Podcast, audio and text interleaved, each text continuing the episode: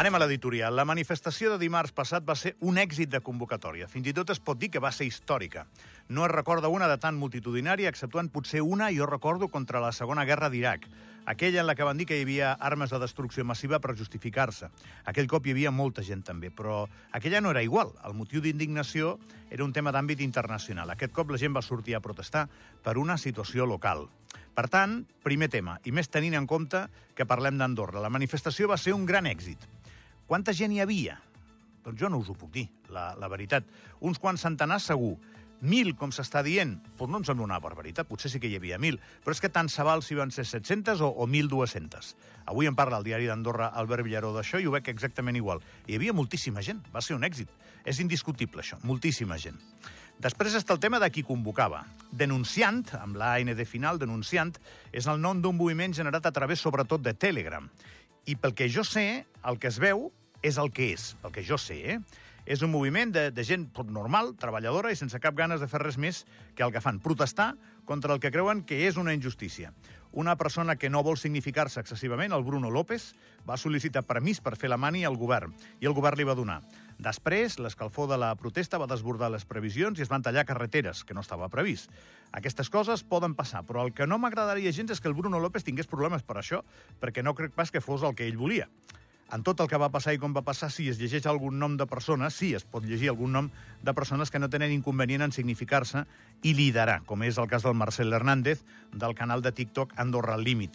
Avui parlarem amb ella a la trucada d'actualitat. El món de la política ha de prendre bona nota del que va passar dimarts abans de començar ja ho deu estar pensant o fent, a tirar-li els tejos a tots els responsables de moure mil persones a Andorra.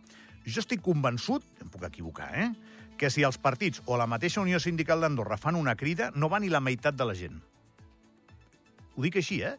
Els ciutadans desconfien de la política, no només de DA, eh? Desconfien dels polítics. I és per prendre bona nota, eh? Qui va anar a la manifestació? Quines persones hi havia allà? És difícil de dir, també, perquè hi havia moltíssima gent, com us dic.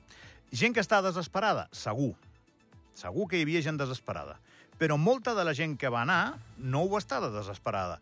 I igual no té pinta que ho estiguin d'avui per demà. I aleshores, per què hi van? Us demanareu si no estan desesperats. Doncs és molt senzill. Perquè no els agrada el que veuen. Moltes persones tenen la percepció segurament sempre basada en números diners que Andorra ha canviat i ja no és la que coneixen i veuen un país en què les oportunitats per tenir una bona vida s'han reduït i es reduiran més. Ho viuen i a més fan un pronòstic. El preu de la vivenda i el de la vida és el que els ho fa veure-ho més clarament. I aquest és el context. Andorra és un tren a una bona vida. Els que estan forrats sempre ho han estat i ho seguiran estant. Però el pastís econòmic fins ara, des de 60 anys ben bons cap aquí, s'ha anat compartint i més o menys tothom ha pogut eh, anar fent fins trobar un espai de felicitat. La manifestació, per tant, és un clam per salvar l'estat del benestar. Això és el que pensem en aquesta editorial. Molta gent creu que està en perill. No era una manifestació de persones sense sostre o sense feina. No majoritàriament. Era una manifestació per alertar que Andorra està deixant de ser Andorra. I com a lema, m'heu d'admetre que és potentíssim si és una manifestació per alertar que Andorra està deixant de ser Andorra, és un lema molt potent. I per últim està la situació en si mateixa, la del preu dels pisos, i, i això d'avui per demà no canviarà. Aquest és un país amb una economia de lliure mercat i, repeteixo, d'avui per demà el preu dels pisos no baixarà. El que igual aconseguirà la mobilització és posar en alerta als polítics perquè la cosa no escali més, perquè igual sí que ens acabarien fent encara més mal.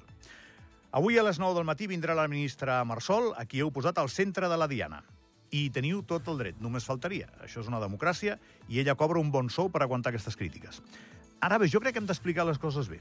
La ministra Marsol porta uns mesos al càrrec i ha tingut uns quants predecessors que han anat veient com aquest Godzilla s'anava fent gran i en comptes d'aturar-lo li han donat, com al Messi quan era jovenet, hormona de creixement. Conxita Marsol ha parit una llei que segur que serà esmenada, seguríssim, però que tal i com estava impedirà que l'any que ve i durant 4 anys el propietari del teu pis eh, et faci un augment abusiu. Això ho impedirà aquesta llei que ha fet Conxita Marsol. I això igual no és suficient sent on som, però no és zero. No és quedar-se quiet. La manifestació de dimarts, la vida té aquestes curiositats, arriba el mateix dia que el govern presentava el pressupost del 2024. A curt termini es destinaran 34 milions d'euros a afers socials que han de servir per ajudar a pal·liar l'increment de costos que ha tingut l'habitatge. I a mitjà i llarg termini, l'any vinent es destinarà una partida de 30 milions d'euros per crear el parc públic d'habitatge del país amb la compra i remodelació d'edificis en desús per destinar-los a lloguer a preu assequible. Són aquestes ironies del destí que indiquen que just quan a tu, el govern, et sembla que més estàs fent per ajudar a solucionar el tema, just en aquell moment et fan la manifestació més important i amb més contingut polític de la història d'Andorra. I si et passa això, és que vas tard.